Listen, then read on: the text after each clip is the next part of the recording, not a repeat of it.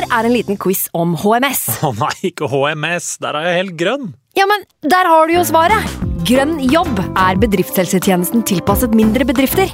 Våre HMS-eksperter hjelper mer enn 8000 bedrifter over hele Norge med alt fra lovpålagte HMS-krav til pålegg fra Arbeidstilsynet. Få på plass bedriftshelsetjeneste på grønnjobb.no. Hallo? Jeg kommer fra Oslo politikammer. Ine Jansen er purk. Er du purk? The motherfucking bitch. Alt jeg vil, er å finne ut hva som skjedde med mannen min. Jon Carew. Er jeg sikta for noe? Iben Akeli. Det er du. Ole So, Lars Berrum og Big Daddy Karsten. Hvem sin side er du på, egentlig? Anette Hoff, Tone Danielsen, Kommer du fra Afrika? Jørnis Josef, Nesten. Kløfta. Trond Espen Seim, Det er synd å si det, men det var feil mann som døde. Purk. Premiere tirsdag på TV2 Play.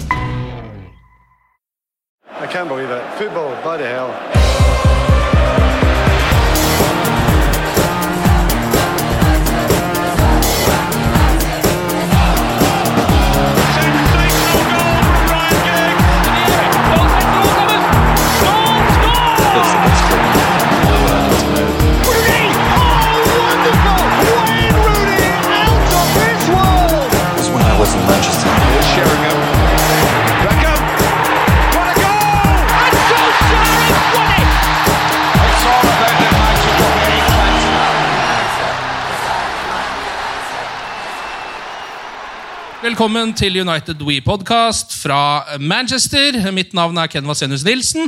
Sitter og ser på en sal full av Manchester United-supportere i absolutt alle aldre. Det de har til felles, er at latteren sitter litt løsere. Eh, smilene sitter litt løsere. Blikkene er lett slørete. Kroppen er i send. For Ole er ved roret, og i månedsvis så har han eh, skjenka oss med det beste som fins nemlig angrepsfotball. Er altså så deilig å være Manchester United-supporter akkurat nå. Smilene er tilbake på Old Trafford. Vi skal snakke om eh, den merkverdige bataljen mot Liverpool, eh, den heroiske seieren mot Palace, framtiden til det evige barnefjeset fra Nordmøre må vi jo snakke litt om. Alt som rører seg i denne vidunderlige klubben akkurat nå. Og så kommer da Stuart Matheson etterpå.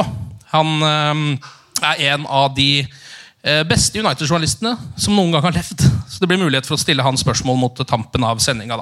Aller først, eh, la oss ønske velkommen til dagens gjester. Eivind Brennovd Holt. Han er journalist for United.no. Velkommen skal du være, Eivind. Takk for det. Hvordan er det egentlig å eh, dekke Manchester United og ha det som jobb i en tid hvor du plutselig konkurrerer med absolutt alle andre journalister i verden også, i ditt eget eh, felt? Det er eh, veldig gøy. Eh, en ny eh, hverdag, selvfølgelig. Får nesten eh, Har nesten et blåmerke på armen nå, for du går bare og klyper deg i armen hver eneste dag. Eh, det er rart. Eh, man har fortalt historien om Ole Gunnar Solskjær fra et norsk perspektiv til mange utenlandske journalister veldig, veldig mange ganger. For det er mange som, som vil vite mer. De vil vite alt som er å vite om, om Ole Gunnar. Eh, det som kanskje er mest gledelig, eh, er å høre hvordan journalister i Manchester har blitt positivt overraska over den Ole Gunnar Solskjær er som manager. Eh, for jeg tror alle forventa at han skulle komme inn og løfte humøret etter at Mourinho hadde gjort, eh, hadde gjort sitt, men at resultatene skulle være så gode, det tror jeg ikke det var mange som hadde forventa. Eh, og så vet jeg altså at det er mange som er overraska over hvordan Ole Gunnar har gått inn med den største selvfølgelighet. Det å gå fra Molde til Manchester United, det er, eh, det er sannsynligvis et større sprang enn det han gjorde som fotballspiller. Men han har gjort det med en selvfølgelighet og med en selvtillit eh, som er veldig overbevisende. Og så komfortabel han er i den rollen, det er det mange som er overraska over. Så det er gøy. Så det er gøy å være norsk United-journalist om dagen. Det kan jeg bekrefte. Det er bra. Eh, Bjørn Appelgren han er fra den svenske grenen av United supporterforening. eh, Ansvarlig for sosiale medier. Velkommen til deg også, Bjørn. Takk så mye. Hvordan er Solskjærfeberen i Sverige? Den ikke like är lika stor som i Norge, men Nei. vi er ekstremt glade over at det går bra for United igjen. Og eh, Solskjær er jo veldig, veldig omtykt både som spelare og tränare. Så att, eh, men vi, inte lika, vi har inte lika mycket kontakt med journalister och media. Det var mer när Zlatan signade för United. Då hade vi en, en liknande situation där vi fick åka runt och prata med tidningar och tv och radio dagarna i ända. Eh, så. La oss, Når vi først har en uh, svenske på besøk, la oss snakke litt om den tiden med Zlatan Ibrahimovic, short and sweet, som den jo var. Um, vil du eh, kalle det en suksess? Både och. Han kommer in och hjälper laget till en Europa League-titel. Han är eh, en av lagets mest tongivande spelare. Men som vi pratade lite om innan här så kommer han ju i en tid där United inte har någon storhetsperiod. Vilket kändes ganska tråkigt som svensk. Eh, det hade varit kul om han fick vara i ett, i ett lag där han faktiskt kunde få vinna de största titlarna. Nu blev det en Europa League-titel som kronan på verket. Eh, och ja, alltså det, det är inte så mycket mer att säga om det. Han, han gjorde många mål eh, och uträttade det han skulle, tycker jag. Ja. Men det føltes litt som at dette kunne vært noe mer? Er det det du Ja, man, alltså, för mig så är ju fortfarande Jesper Blomqvist den svenska spelaren som, som liksom ligger när varmast i hjärtat eftersom han också fick vara med och vinna eh, de största titlarna. Eh, Kan, kan Viktor Lindelöf utfordre den eh, posisjonen der? Vi hoppas väl det eh, någonstans. Där har, ju, har man ju liksom också... Han, han började ganska skakigt. Han kom in i en period där laget inte mådde bra eh, under Mourinho. Och nu, nu får han förtroende, han får spela varje match, han blir bättre och bättre. Eh, fler och fler supportrar börjar, i Sverige börjar tycka att han är väldigt, väldigt bra att han, han liksom är den egentligen första valet som mittback i United. Men det är ju en bit kvar. Han måste ju också få vara med och vinna någonting för att det ska bli den här legendstatusen. Media i Sverige har inte riktigt vaknat än. De börjar vakna. Men det var inte alls samma eh, tryck på oss som supporterklubb när Viktor signade som när Zlatan signade. Nei, det er vel generelt ikke like mye trøkk på Viktor Lindeløf som på Zlatan Ibrahimovic. Hvordan trives han, eh, Lindeløf? Vet du noe om det? Jeg tror at han trives veldig bra nu faktisk. Og det syns man ser i hans spill, at han, han tar for seg mer og mer. Mourinho sa noen gang at han skulle bli en tøffere spiller. Og det, det er vel det han har tatt med seg, tror jeg. Nå spiller han også med glede og med, och med självförtroende. Vilket jeg ikke tyckte at han gjorde under Mourinho. Jeg synes bare for å skyte inn jeg, Noe av det som irriterer meg litt om dagen, eh, det er eh, ikke det at Viktor Lindeløf blir trukket fram som en av de store spillerne som har tatt steg, for det, det er det ingen tvil om at han er. Men det er mange som har eh, allerede konkludert med at Lindeløf var en flopp under José Mourinho. Og det, det er ikke jeg enig i. Eh, Det er mange som snakker om Lindeløf som om han var en helt fryktelig elendig fotballspiller under Mourinho. Og ja, han hadde en tøff start. Det var et tøft halvår der spesielt. Men etter nyttår eh, forrige sesong så spilte han seg egentlig opp og var en av de beste spillerne for Mourinho den første halvdelen av sesongen. Eh, Så selv om han har tatt store steg under Solskjær, så mener jeg at det var en utvikling som begynte før han kom inn. Og så har han fortsatt å ta nye steg, og han spiller med en helt annen selvtillit nå enn det han noen gang gjorde for Mourinho. Men jeg syns vi så et potensial der eh, som eh, mange andre mener at de ikke, ikke har sett. da. Han fikk ju väldigt mye kritik, framförallt her i England, som var eh, 100% orättvist, tycker jag. Helt enig. Sen kan jeg holde med dem som tvivler lite, for jeg tror at, at det også visar hur lång tid det kan ta att anpassa sig till Manchester United och, och bli den här spelaren. Och jag tycker, eh, om, om, om man ska vara lite hård, så har han fortfarande en bit kvar för att visa att han är den här världsbacken som faktiskt ska vara det givna valet. Med det sagt så hoppas jag ju såklart som svensk att han lyckas väldigt bra. Jag tycker att han gör det väldigt bra nu, så att han är på god väg. Spørsmålet er vel om man kanskje trenger en forsvarssjef ved siden av seg. At det ikke nødvendigvis er han som er den forsvarssjefen, men at han kanskje trenger en mer rutinert eh, ved siden av seg. Eh, United har jo litt sånn tradisjonelt vært en klubb for de beste skandinavene. Eh, Vi har jo hatt masse nordmenn der. Har jo fortsatt i hvert fall én ganske viktig nordmann der. En stor danske har vært viktig for United, og en del svensker også. Husker du alle de Nå har du nevnt Zlatan, selvfølgelig. Eh, Victor Lindeløf er der eh, nå. Du var innom Jesper Blomqvist. Husker du, eh, Det er vel to andre svensker som har spilt for Manchester United? Mm, Henrik Larsson Ja. kom jo inn eh, på lån eh, och gjorde det bra. Eh, fikk denne den medaljen trots at han ikke hadde spilt tilstrekkelig mange matcher. Så har vi Bojan Georgic, som Ja. gjorde, som nå sitter som expertkommentator i Sveriges sendinger og, Han det, ja. og prater om United.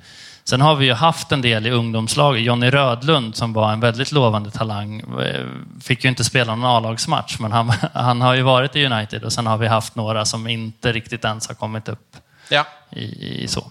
Ja. Foreløpig Jesper Blomqvist, som er den største svenske United-legenden. Ja, for meg er det det. Sen, sen er det jo mange som klart... altså vi märkte at medlemsantalet og andelen svensker som reste med supporterklubben økte når Zlatan eh, signades. Så att för många är nog Zlatan den största, men det beror nog mer på att han är en, en, eh, den bästa spelaren. Inte för att han är den som har varit mest betydelsefull för klubben. För mig är det Blomqvist utan tvekan. Har du smakt pizzan til Blomqvist? Hva Vad sa du? Har du smakt pizzaen til Jesper Jesper Nej, det har jag ikke inte gjort det. Han driver jo pizzarestaurant, han nå. Gjør han det? Hvor er dette? I Sverige. Ja. det er det jeg veit. Det er bare å komme seg til Sverige og smake Jesper Blomqvists eh, pizza. La oss eh, snakke litt om eh, Liverpool-matchen. Um, en av de rarere fotballkampene jeg har sett, tror jeg. Det, det var liksom akkurat som at kampen var litt ødelagt pga. alle skadene. Så det føltes litt som å spille et sånt gammelt svensk stiga hockeyspill. Bare at alle de der metallgreiene er bøyd. Sånn at spillerne beveger seg bare sånn krøkkete litt rundt. Får ikke styrt han ene til høyre. Litt sånn var liksom den fotballkampen der, da. Um, men hva tenker du, Eivind, når du har sett gjennom denne kampen? 0-0 er resultatet. Er du stolt som United-supporter?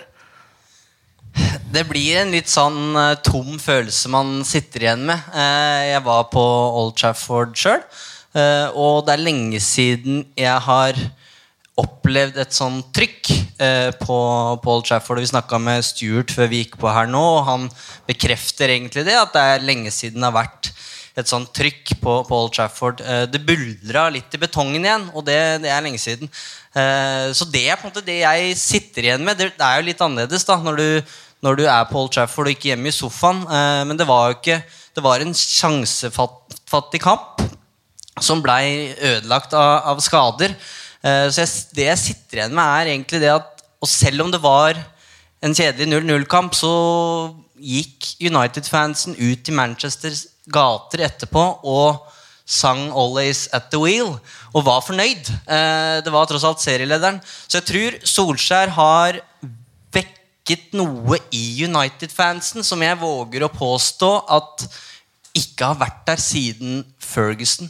Ja. Eh, en eller annen tro, en optimisme, som vi på en måte ikke helt har tillatt oss å ha, tror jeg, verken under Moyes, van Gaal eller Mourinho. Og du merker, du merker det på en måte før, før eh, match i, i gata, selv om Matic er skada. Så, eh, så er det en optimisme der.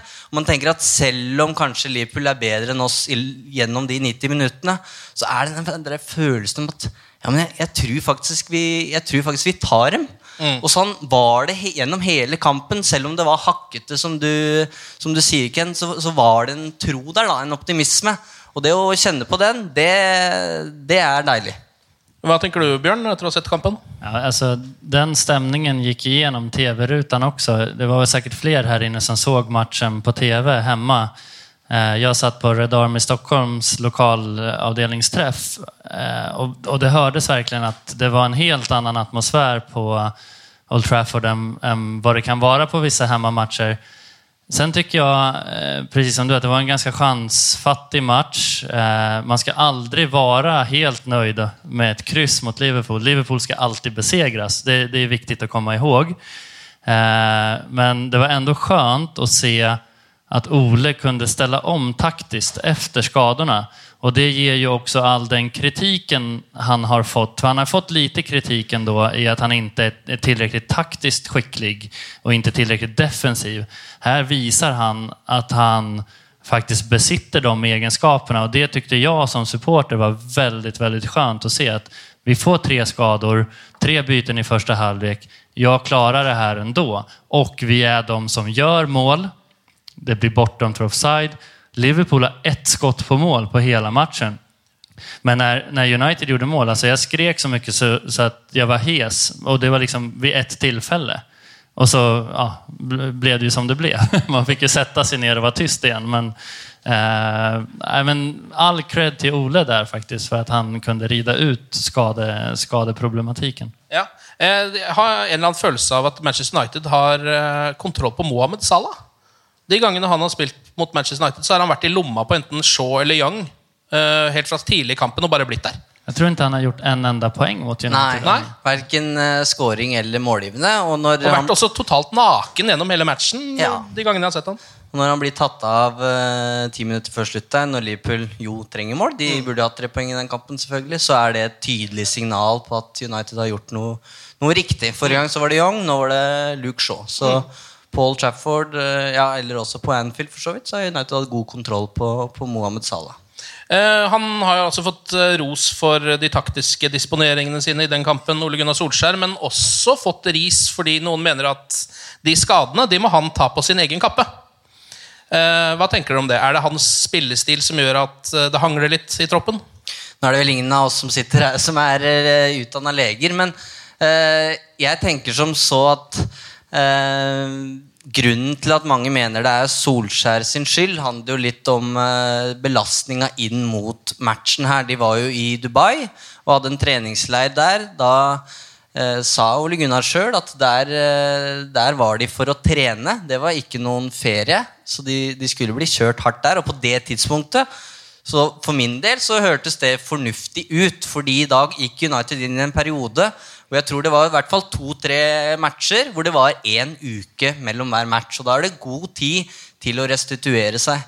Eh, Men det virker jo på en måte når United går fra to-tre skader til ti på én uke, så virker det jo som at dette handler om belastning. Og det er jo muskelskader, det her. Eh, Så Hvis man skal jeg vet liksom ikke om man skal ta stilling til det her og nå, men Solskjær kunne sikkert gjort noe annerledes. Jag har en, en fundering också kring det, för att när Mourinho var tränare så kom det hela tiden rapporter om att de inte tränade så hårt och de sprang inte på matcherna. Kan inte liksom, jag tänker också att skulden kanske delvis ligger hos Mourinho, att man inte har ett, ett, ett tillräckligt tränat lag. Och sen när man ökar intensiteten på det sättet som Ola har gjort, det är bara en tanke jag har haft. Det är kanske inte någonting jag tycker eller, eller har som åsikt, men det är en fundering jag har haft. För jag menar, skador kommer alltid att hända, men varför händer de just nu? Så det kan ju vara en kombination. Jag, jag tror att Solskär är en del av, av, av det, men jag tror kanske inte att det bara är hans fel. Nei, og Det han kanskje kan kritiseres for sånn rein, veldig konkret, er jo byttet av eh, Jesse Lingard. Eh, men det er klart han hadde fått beskjed av fysioterapeut om at eh, Jesse holdt antagelig 60-70 minutter. Og Jesse sjæl, vil jeg tro. Altså, Du må Ja, jo snakke med han også. Ja, han hadde jo ikke spilt hvis han ikke følte at han var klar for det sjøl. så det Sånn sett så burde han kanskje sendt inn Alexis Sanchez først. Men det er jo umulig å vite om det går bra, eller om det ikke går. Mm. Eh, av de skadene så var det jo en tynn tropp mot eh, Crystal Palace eh, i kampen etter. Som jo er en kamp som jeg i hvert fall har hatt en liten sånn rød sirkel rundt i kalenderen etter at Ole Gunnar Solskjær fikk jobben. Fordi eh, det var liksom en hel rekke med altså kremfotballkamper. På en måte Du har PSG, du skal ut mot Liverpool og Chelsea. Og så kommer det Crystal Palace på bortebane etter alt dette, alt dette fyrverkeriet. Så skal dere ut og slite litt, gitt gutter, på bortebane. Og så kommer skadene. Tenkte dette her blir vanskelig. Ja, det var et typisk bananskall. Eh, Sellers Par- Park er en vanskelig arena. Det er bra trykk der. Roy Hodgson er en lur manager, og de kom fra en 4-1-seier. Men United vinner den, og jeg syns den kampen illustrerer så godt uh, hvilken flytsone det laget er i akkurat nå. Fordi alle kamper som står og vipper, vipper på en eller annen måte i, i vår favør. Eh, og på 2-0 så virker det jo for så vidt komfortabelt. Og så er det, er det et baklengsmål som er unødvendig. United kunne klarert ballen flere ganger der. Og da begynner man å tenke litt. Eh, og under Mourinho så ville de fleste forvente at her kommer det et, et eh, baklengsmål til, og vi kommer til å reise hjem med ett poeng. Isteden kommer det en motreaksjon og 3-1. Og det, det, det viser på en måte hvilken flyt og hvordan det United-laget nå har en helt annen mentalitet enn det vi har sett eh, spesielt det siste året. Det är också så himla förlösande när 3-1 målet kommer. För, Ja, ja. för eh, Crystal Palace mål skapar den här nerven som man under Mourinhos eh, tid i klubben var väldigt nervös över. Så fort man var var nervös så var det en dålig känsla. När man blir nervös nu så är det nästan en, en, en bra känsla. Sen tycker jag också det är helt fantastiskt att Lukaku får göra två mål efter att ha gått mål, mållös i nio matcher på rad. Eh, och gör inte mycket väsen av sig. Men, men jag tycker ändå, nu har han suttit på bänken rätt mycket, men, men jag tycker mig se att man använder Lukaku på ett bättre sätt än vad Mourinho gjorde. Där han tvingades ta emot mycket boll och agera target player. Ole verkar vilja använda honom som en målskytt. Ja, og litt ut på kanten også innimellom. Ja, vilket passar hans spel, hans storlek och hans fysik mycket, mycket bättre. För att ärligt talat, jag har suttit och suckat så många gånger över att Lukaku tappar så himla mycket boll. Ja. Trots att han är så stor. Ja. Men, men det är klart att man blir glad när han gör två, två mål. Eh, Det ene siste målet der er jo et klassemål. Ja, ja, jeg hoppas at han har kommet inn i det nå igjen, og at vi kan fortsette å anvende ham som den målskytt han er, og ikke mm. som den target player som Mourinho tykte at han var. Ja, ja, du ser det på 1-0-målet også, syns jeg. Han får jo ofte mye kritikk for teknikken sin, men får ballen av Shaw, du ser det er én tanke i hodet, da. Og det er å, å legge ballen til rette og, og skyte i mål. Og det er lurt skudd rundt Palace-forsvareren. Og det, igjen, det handler om selvtillit. En helt annen spiss enn det vi har, enn det vi har sett. Youngs mål er jo også selvfortroende. Ja. Det var, jeg bare skal gjøre med bollen. Nei, jeg skjuter. Så bara, Eh, Vi må nesten snakke litt om Luke Shaw også, mannen som legger opp til det første målet til Romelu Lukaku etter et eh, ja, martialaktig ride ute på kanten. Mm, det er jo, altså Lukaku selv sa jo etter kampen at han mener at Luke Shaw har vært Uniteds beste spiller denne sesongen. Og det er en, en av våre podkastlyttere også, Henning. Han har ment dette lenge. Hver gang han sier det til kompisene sine, så begynner du bare å le av han. Eh, Men nå synes jeg liksom det begynner å Det er noe i det. altså Har Luke Shaw hatt en dårlig kamp denne sesongen?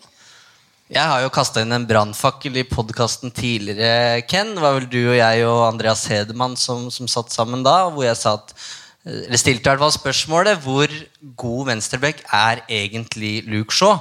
Eh, og han er solid, for all del, men du ser nå eh, i Premier League spesielt hvor viktig det er med gode backer.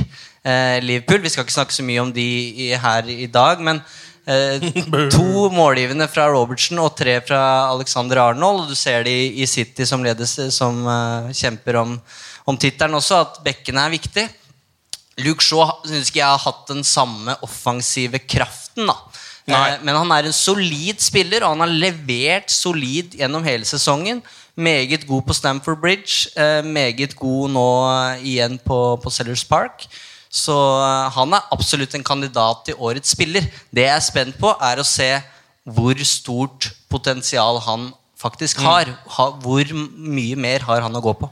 Og nå må du ikke glemme det, Eivind, at Mot Palace så legger altså Luke Shaw opp til det første, og Young skårer det siste. Så det er ikke den sant. verste bekken i verden vi har heller. Helt Altså. sant. Eh, hvis vi skal snakke om eh, egentlig det forsvaret generelt, så eh, hvis vi snakker om midtforsvarerne våre Det var der det måtte eh, forbedres.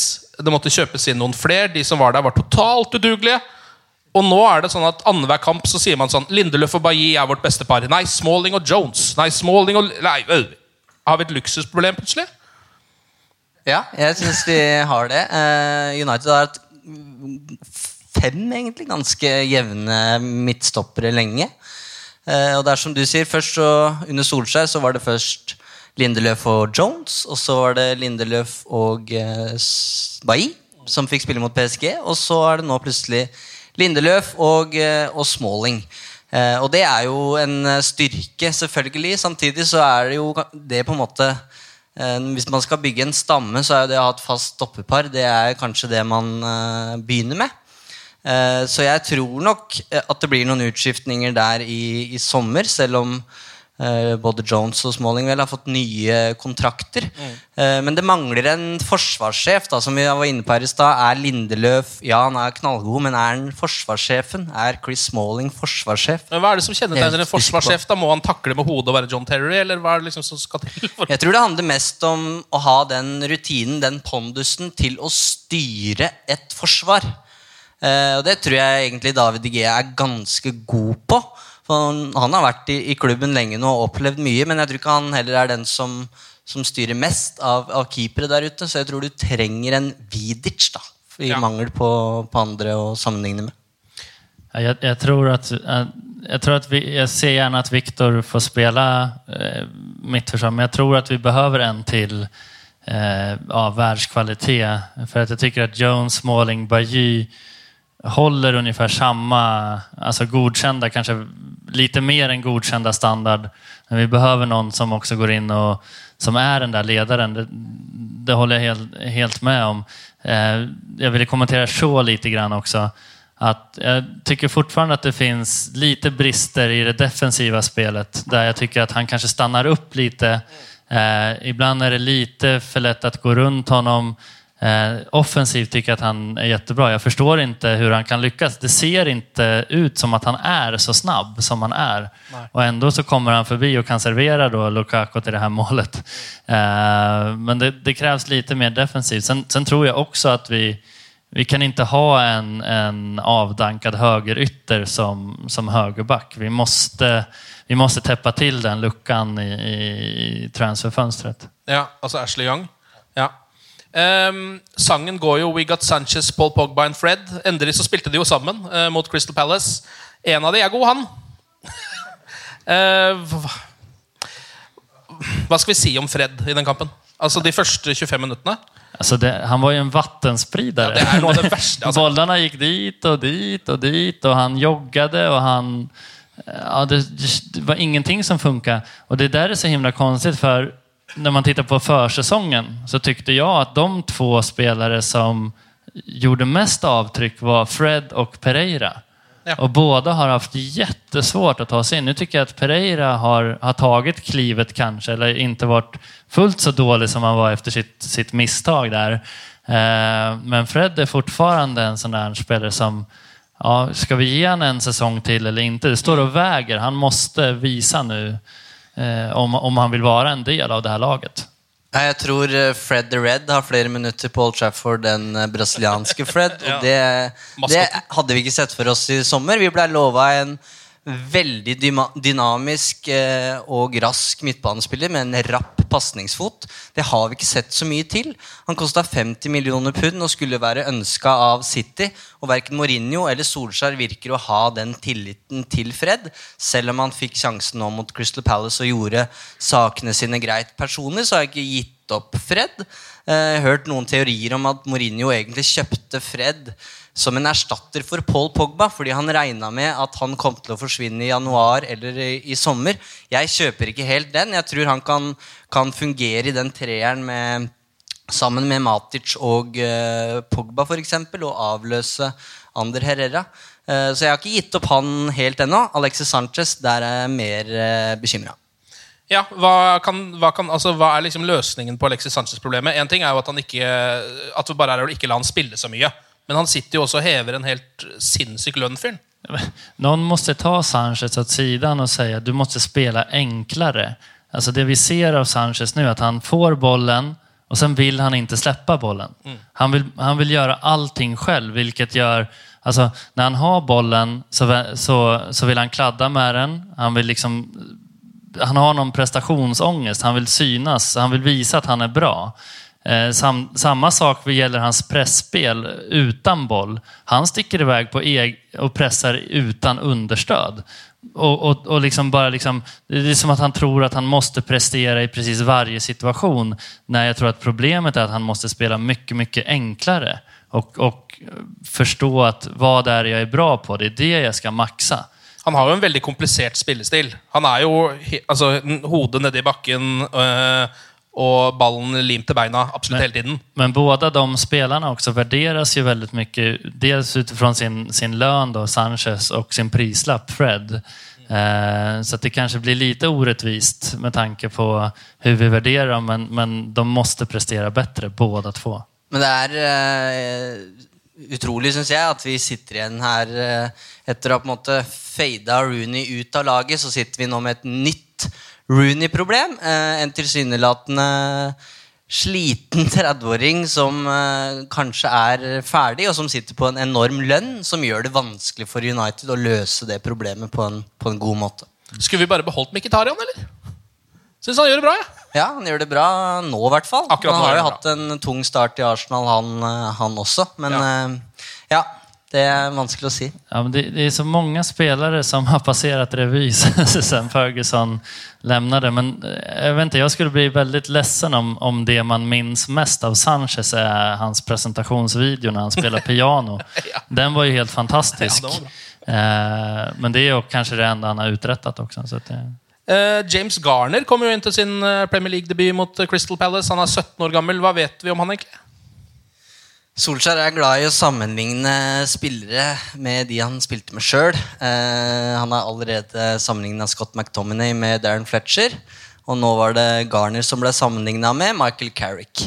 Så det setter jo standarden. Og han fikk spørsmålet på pressekonferansen er det ikke litt er det ikke litt skummelt å sammenligne en 17-åring med Michael Carrick etter at han har spilt fem minutter eh, for førstelaget, og da sier Solskjær eh, It's Man United. Og det sier litt om Skal du lykkes her, så må du faktisk levere fra dag én. Du må bare slutte å være 17 år. Bare bli 34 med en gang. Du har ikke tid til å være 17 år, for å si det på den måten. Så, men det er en spennende spiller som har vært kaptein for det engelske landslaget, og som har, uh, fikk sjansen under Mourinho, eller han var i hvert fall med, til, til USA.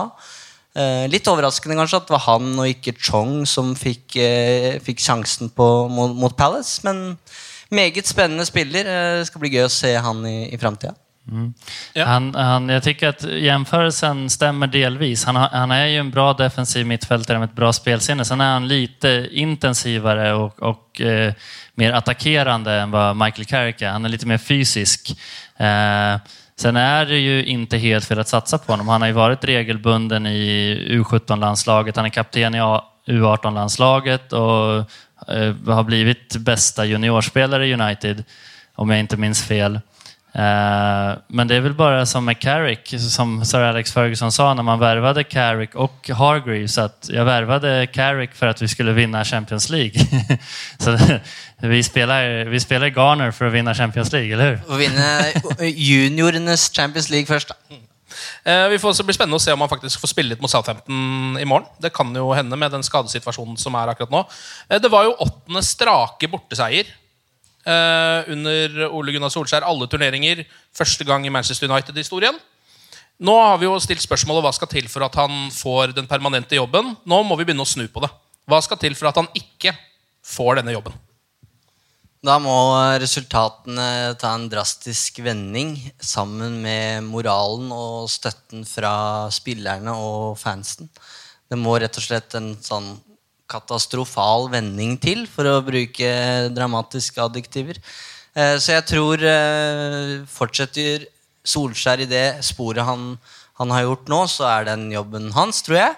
Eh, Den neste utfordringa blir å på en måte skape en trygghet som jeg ikke tror vi har hatt siden 2013. Eh, At man går inn i hver kamp med en slags trygghet på at laget har et høyt Hva heter det? Minstenivå. Eh, og at man veit at de, de vinner de fleste kampene som de skal vinne, og at de, er blant topp fire eh, hele veien. Den tryggheten det blir den neste utfordringa for Ole Gunnar Solskjær å, å skape, mener jeg. Vi, altså det er så skjønt å se United nå, for att vi springer alltid mer enn motstanderen. Eh, det gjorde vi ikke under Mourinho. Eh, men jag tror, jag, alltså, idag började pysa ut lite rykten när jag läste engelska tidningar här att det, det finns egentligen bara en kandidat kvar till managerjobbet och det är Ole Gunnar. Eh, och jag tror precis som du att det är liksom om det skulle vända nu och bli en katastrof, då, då är inte jobbet hans. Sen vet man aldrig hur, hur Glazers och ledningen resonerar där. Missar vi fjärdeplatsen, vad händer då? Så jag tror ändå att fjärdeplatsen eller en fa Cup-titel det är det som slår spiken i kistan för att faktiskt säga att jobbet är hans. Personligen tycker jag att han ska ha det. Eh, dels för att det han har gjort, han har vänt moralen, han har levererat resultat mot både mindre bra och väldigt bra motstånd. Han har vunnit på bortaplan. Eh, men han har också på något sätt, för mig som supporter, eh, gett mig drömmarna tillbaka. Och det är en sån fantastisk story som jag tycker att varje United-supporter ska ta till sig. Att här är en spelare som har avgjort en Champions League-final, som har vunnit allt som går att vinna med Manchester United. Nu är han tränare. Bara den drömmen och den historien är ju så fantastisk. Jag gillar historier. Det är en historia man kan berätta för sina barn och sina barnbarn. Att jag levde när Ole Gunnar var spelare, sen levde jag när han var tränare och han vann lika mycket båda gångerna, förhoppningsvis. Ja. ja, veldig bra. Det er jo eh, er veldig gode ord å ta til seg. fordi jeg tror alle som sitter her, og som er altså skandinaviske og kanskje til og med norske Manchester United-supportere, nå er det bare å leve i øyeblikket hele veien. Plutselig tar det slutt, men jeg tror vi kommer til å huske dette for alltid. Det er veldig, veldig deilig. Eh, Bjørn og Eivind, tusen takk for innsatsen. Takk så mye for at jeg fikk være med. Dere kan jo eh, godt bare bli sittende, men nå skal vi også få opp eh, en eh, mann som kanskje kan mer om Manchester United enn oss kombinert. Stuart Matheson heter han. Han har vært fotballjournalist siden 70-tallet. Uh, Jobba i Manchester Evening News. der fikk han jobb i 1995. Det var en periode han ringte sir Alex Ferguson nesten hver eneste dag.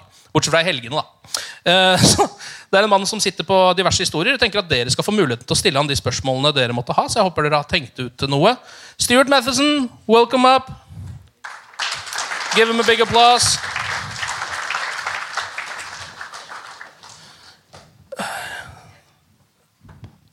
Here you are. Microphone for you, sir. Thank you very much. How Good are you? I'm very well, thank you. I hope you can understand me. My uh, Manc accent, not exactly um, Liam and Noel Gallagher, but uh, no, not at all. if you watch Coronation Street, you might be able to understand me. I understand you fine uh, for now, at, at least.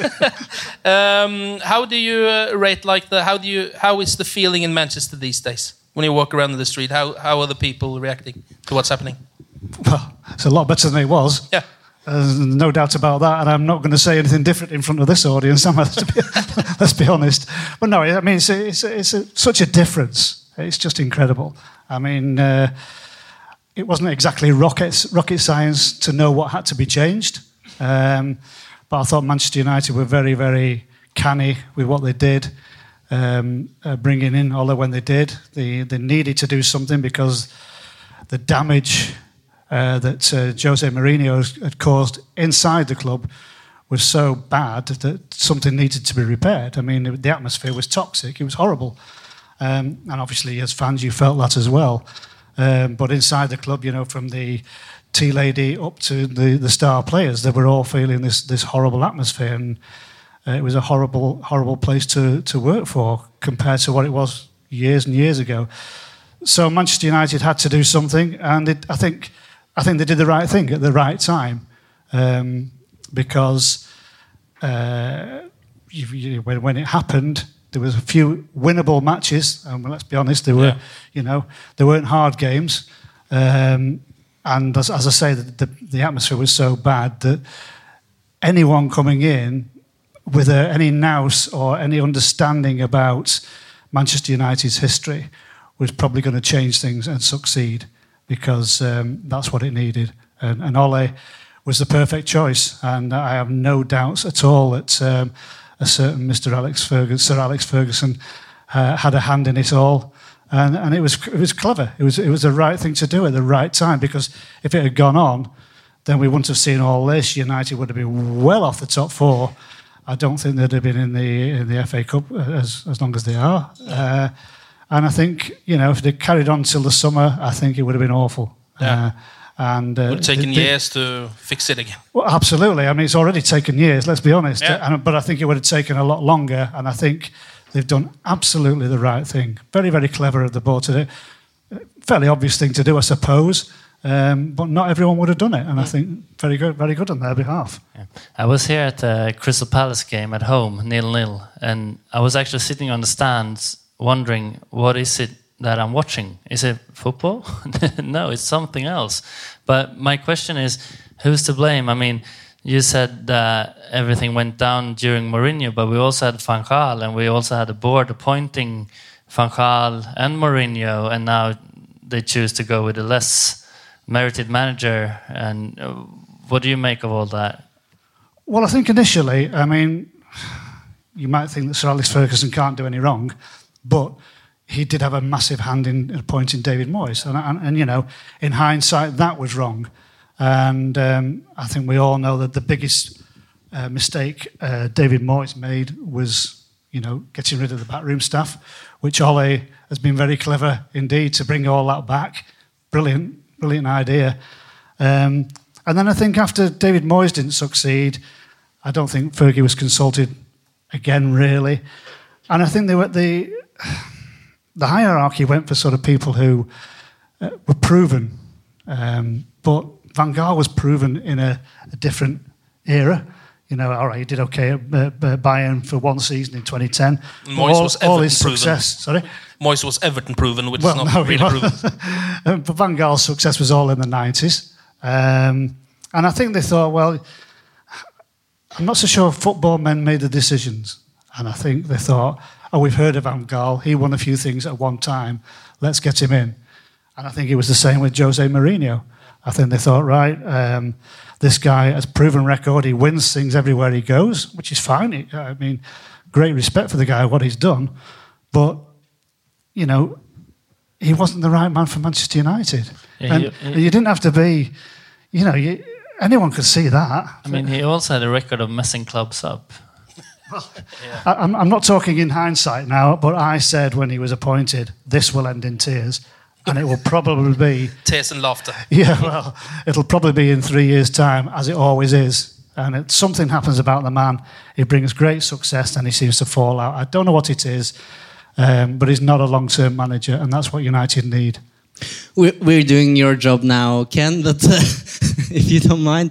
Uh, Stuart, you, you mentioned Ferguson, and people are obviously comparing uh, Solskjaer and, and Ferguson, uh, and you, you know him, you, you know them both uh, quite well.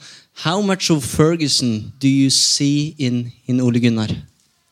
Well, everything really. I mean, he's his mentor. Why would you not? Why would you ignore that kind of knowledge and try and re- replicate what he did, repeat what he did? I mean, down to things like, you know, the the suits, you know, the club suits, turning up at Manchester uh, matches. You know, when I used to go, go everywhere with Manchester United, I used to see the team arrive off the bus, and you thought, you know, it looks smart, and you thought, right, this is Manchester, this is a real Manchester United team, and appearances mean an awful lot, and I, you know that went down the hill. So just little things like that, bringing that, and you've, you've all heard the stories about Ollie bringing boxes of chocolates to Kath at the reception, you know, because that's what Fergie did. He still does it now. Fergie still pays for a taxi for Kath to get to Carrington. because he, he, yeah, yeah, he looks after them and he looks after people. That's the receptionist. The reception at Carrington, yeah. She lost her husband, I don't know, five, ten years ago, and, and Fergie still paid for a taxi so she could still get to work because her husband used to bring her to work, and apparently he still does now. That's fantastic. It is fantastic, and but that's the you know the measure of the man. I mean, I had a lot of arguments with him, but uh, you know you could not deny how great a man he was in terms of things like that. And I think Ola has, I mean, Ola's character's like that anyway, but I think he's learned from him, and he's virtually brought in everything that you know uh, Fergie did, and uh, and from the appointments of, of Mike Phelan and, and the backroom staff, everything has a stamp of Fergie on it. Yeah. So, uh, anyone in the audience have some questions for Stuart? Someone wanna ask him something? I see no hands. There's a hand over there. Uh, Eivind, kan du være innegående reporter, kanskje? Og gå, ja, der er vi. Per er innegående reporter. Han uh, gir mikrofon. How uh, much influence do you think Mike Phelan has, and uh, how important is it that he uh, stays? Well, I think it is important. I think um, it would be stupid to get rid of him. I mean, uh, going forward, if, if the club were to, God forbid, and I don't think it'll happen, if they don't appoint Ole as a permanent manager, if they got rid of Mike as well, I mean, there'd be a rebellion. Because, I mean, when I was covering Manchester United, I always saw everything was about Fergie. And I thought, you know, most people, you know, the coaches, uh, great coaches that they were, but it was still all about Fergie. So you didn't real, you didn't really know how good coaches they were. I didn't really know how good a coach Mike Phelan was. But I think, you know, talking to people since, um, there's so much respect for him, what he does. And I think one thing he has done, and uh, which David Moyes should have done, which was the a problem he had, was that Mike is a buffer between, because obviously United is so, uh, it's, a, it's, a, brand now, as we all know. They, they have to do things for the foundation, for all that kind of sponsorship and kind of things like that. And Mike uh, let Fergie get on with it, and he would do all that and arrange for the players to to go and see these other people. And um, so Mike was very good in that respect, away from the coaching, also the buffer between players and having to do all these things for sponsorship. And as I say, uh, David Moyes didn't recognise that. And I spoke to someone the, the other day at the club who reckoned that, and I mean, it's, it's only an opinion of this person, but if he'd have kept um, Mike Phelan on, if David Moyes had kept him on, he might have succeeded. Yeah. And uh, I think Mike is, um, you know, one of those unsung heroes. I think finally we're seeing we're seeing him come to the fore now, and uh, yeah, I think you've got to keep him on. Yeah. Any more questions from the audience behind it? Yeah. Uh, let's say that Ole gets the job. Um, what do you think he would have to achieve next season to be successful? And do you think he has it in him to succeed and uh, get United into the title battle again? Yeah, I think I think I mean, there's a there's a honeymoon period, isn't there? Let's be honest. There's a honeymoon period going on now. It's lasting longer. Um, I think there'll be a marriage. this is honeymoon before the marriage, really. And um, I think what he's got to do, what will be expected of him next season, whether it's Ola or anybody, they're going to expect him to be top four, challenging until the last day of the season for the Premier League title, and and hopefully be in the Champions League and, and challenging that because anything less is not really acceptable for Manchester United. And it doesn't matter whether it's Ole or not, whether they like him or not as a guy, he's still going to have to achieve that kind of thing. Um, I think he has got it in him. I know there's not a background of success at this level, but you know sometimes there's just the right moment, the right person for the right time, and I think Ole is it. Now, the, the unknowns are what happens when there's a real big problem. Lose two or three matches. Uh, tactically, change things. He has proven himself so far, very good on that. Um, but going, you know, long term, can he do that uh, when all this kind of, as I say, honeymoon period ends? And I also think there's a big um, question mark about buying players um, because he's now moving. It would be moving in a circle where, you know, these are players he's never bought before. The elite players. Yeah. They're not Joe Ingeberge or all the players he took with him to Cardiff. Yeah, and we're not we're not playing FIFA Football Manager here. We're you know we're actually uh, dealing with proper players now. You know, you, as we've seen over recent years, Angel Di Maria. I thought he was a fantastic buy for Manchester United. Absolutely awful when Van Gaal gets hold of, hold of him. Paul Pogba, brilliant player. Awful when Mourinho gets hold of him. So you know you have to do your research. You have to do your homework. And, you know, Ollie might have all these names in your head. We've all got the names in the head, the best players in the world. Um, but it's how you deal with them when you get them. And um, we don't know what he's, you know, how good he is at buying. And we don't know how good he will be dealing with players he's bought. So uh, that is the unknown factor. But if you were to put me on the spot now, I would say he will be a success at it. Um, no, no, no two questions about it. That's what we want to hear soon. That's perfect. I got two questions also. Um, to be honest, uh, what was your first thoughts and reactions when Ole was appointed interim manager? And do you? And the second one is, do you see any other possible uh, options? Well, I was a bit surprised in some ways because I didn't think United would think about someone like Ole um, because, as I say, he, he's not done anything at this level. But it was a very, very clever move. Um, the options, the only option I see is Maurizio Pochettino. Now, the, the problem is that not every manager out there ticks every box.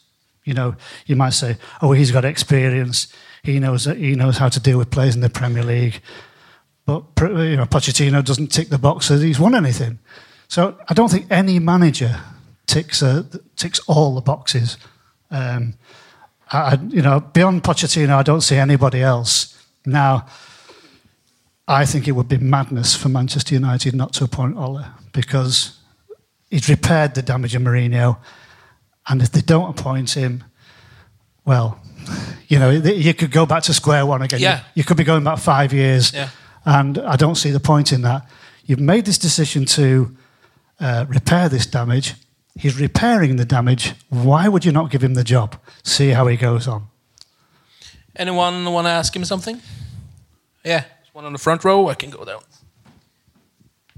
Thank you. Uh, what is your opinion on uh, Ed Woodward and his job for Manchester United? Thank you very much. well, this doesn't go beyond these walls. um, Edward is a, is, a, is, a, is a great businessman. Um, I don't think he's a football man. Uh, as I said before, I think some of his appointments have been kind of, oh, yeah, I know him. I'll uh, will appoint him. Um, but a fantastic businessman. I can't I can't say anything other than that. And he was very good for me when I was at the Manchester Evening News. He wanted to get a a dialogue going with me because, particularly when David David De Gea was first being uh, when Real Madrid wanted to have him, um, he thought uh, Marca in Madrid were being very um, aggressive and trying to uh, attract David. And he said, "Well, we, you know," he said to the, the people at United, "We haven't got a newspaper that does that for us." And uh, so they got me on board to try and give their sort of side of things and be be the the, the marker in England. And um, it, it succeeded because I did a big piece on David Gea with a few things that Ed had told me privately that I was allowed to put out, why they wanted to keep him, what they were prepared to do, and all that kind of thing. And then Marcus splashed it on their page next day uh, as well. So it's alerted Real Madrid to the fact that United are going to fight this. So in that respect, I had a great relationship with Ed Woodward, and um, I had his phone number, and there were times when I could phone him up, and he would tell me things or deny things. I, I, he probably lied to me a few times as well. Um, and then, that, unfortunately, that relationship went down the pan a little bit. It kind of it faded out because uh, we went for drinks with him in private with a few of the other journalists, and uh, everybody printed these stories that we weren't really supposed to. Although I actually, I didn't do it, to be honest, in, in all honesty. And uh, Ed um, didn't like that, so uh, he stopped answering the calls. That's too bad. but he's a great businessman. Before we go home today, tonight, Stuart, we, we need to dwell a bit on, on the fact that you actually called Sir Alex Ferguson uh, every day for 10 years. Uh, you wrote in our magazine that you had four uh, phone numbers for him. Um, and how did you gain his trust like that? And excuse my French, but did you ever piss him off? Yes, I certainly, I certainly did. and oh God, brings me out in a cold sweat just remember, just just thinking about all those phone calls at about half past eight in the morning every day. It was 15 years as well. It felt like 150 at times, I tell you, because he was he was a, a complex man. Uh, it could be great for you. It could be awful, you know, and you, you did not know what you were going to get every single morning. It's Uh, a bit scary calling him. it was scary, yeah. I mean, uh, you know, I don't, I don't mind admitting, as uh, as experienced as I was and as as old as I was, picking up that phone was was was a scary moment every morning, and I didn't look forward to it. And I probably went in the toilet beforehand, every, you know, every morning, because you could be talking to Sir Alex on the phone, and um, one minute be talking like we're talking, you know, like amongst your friends in the pub, and you think, oh, I'm getting along with him, and then you, you'd say something that would flick a switch in his mind, and suddenly it's the hairdryer, and you, oh, you know, and uh, that was literally how it was. You just from one minute to the next, and from one day to the next, you'd be picking up thinking. He's gonna, he's gonna really have a go at me here, and then it'd be as, as, as nice as pie, you know. But when you're saying there about how do you gain his trust, it was simply because, you know, I was honest, and uh, I, you know, we were the local paper, so we weren't going to, as you put it, piss, piss, piss the club off too much. Um, I'm not saying we were their mouthpiece, but you know, you, you you knew who you were writing for, and that was the club, and it was also for the United fans. So, but to gain his trust, it was he, he started telling me things that were I wasn't allowed to print. You know, he'd just say to, as I say, a bit like talking to you guys now, he'd say, "This is between you and I." And as a journalist, that was the worst word you could hear because you realised that you were gonna, he was going to tell you something fantastic, but you weren't allowed to write it. And um, you know, and uh, when the, when you, the fact he told me those things, maybe he was testing me out early days. And when he realised I didn't print them, he told me more and more.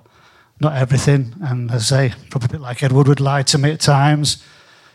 But you know, I think just being honest and not, not uh, you know, that trust. You, you, you know, you have if you because with Fergie, he says he doesn't bear grudges. But if you do piss him off, then that's you can be finished, and you know you have to think about that every time. You've got to, you know, carry on.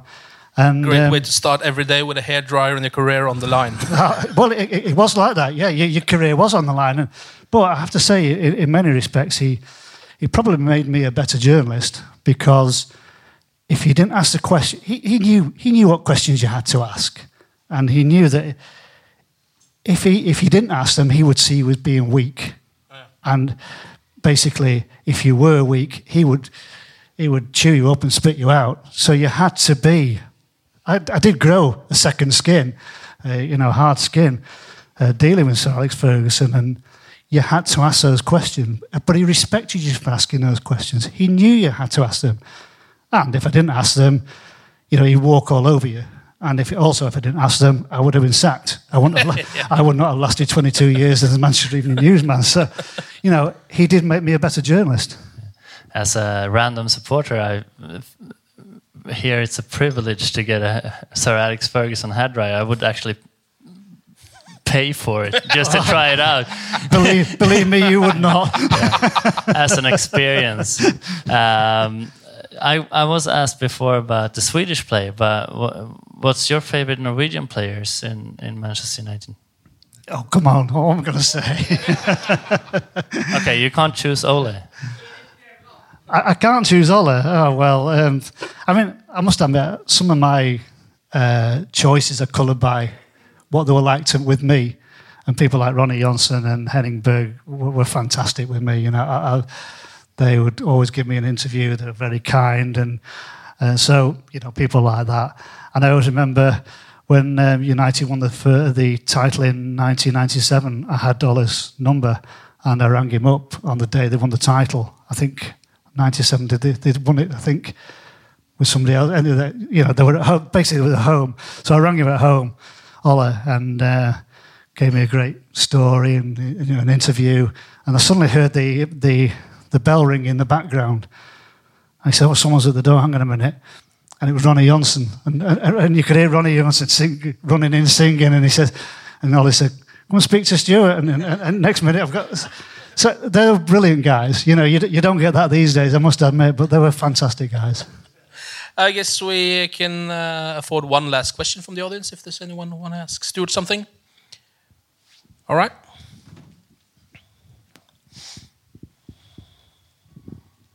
So you said earlier that uh, Ed Woodward is a businessman, but not a football man. So how important is it having a sports director?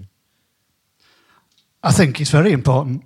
I think um, that's what Manchester United have lacked for a while now. Um, and as big a club as Manchester United are, I think they've dragged their feet a little bit over the last few years, coming into the the modern era, you know, the modern game, the 21st century, shall we say. I think they they need they need to come up to date with things like that. I think they've they've kind of a little been a bit complacent on a lot of things, and um, I'm, I'm saying it in your company, but you know the people down the road at the Etihad, they've shown them the way. Oh, yeah.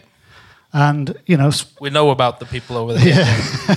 and di- director of football is an important role in any football club. I think nowadays. I don't think, you know, the era of Sir Alex running everything has gone. You know, that's no doubt. You can't do all that on your own anymore. So I, I do think they need somebody. But I, you know, I wouldn't want to see somebody come in who made the football decisions. You know, I think that would be wrong. You've got to have input from your manager, because what manager would want to manage like that? Being told, "Oh, you've, you've we've just bought so and so." Actually, I didn't really rate him. So there's got to be, you know, uh, you know, a bit of balance there. Um, but I do think they need one. Yeah. Yeah. Uh, all right. I think that's uh, all we can do from here. Björn, do you I have would like uh, Stuart's prediction for the game Oh, tomorrow yeah. as well. Southampton game at Old Trafford. Well, hey, for for uh, for twen- nearly twenty years, I would never have backed against Manchester United, and then for the last few years, I wouldn't have backed them because I thought they were that poor. I didn't think they were going to win matches. Thankfully, I'm back to that era where I think they're going to win every match, and uh, and I think they'll win it. Um, I think Southampton are a better side than the, they are than they're showing, and and I do worry about this sort of as we were talking about before, home matches have not been great recently, and particularly the Burnley game. So, I, I, I think I think Crystal Palace away proved that this United side are not going to be complacent after massive matches, a massive time for them winning games. I think Palace game proved that this side can cope with it, and they won't be complacent. So tomorrow. I'm going back to the old things that I used to always predict, which was 3 0 every home match. 3-0! It's gonna be 3-0. Perfekt. Da håper jeg alle koser seg på Southampton-kampen i morgen. Alle de som skal dit, og alle de som sitter hjemme, skal kose dere med den på TV, vil jeg tro. Ehm, nok en gang, Bjørn og Eivind, takk for innsatsen. Og mine damer og herrer, Stuart Matheson. Glory, glory!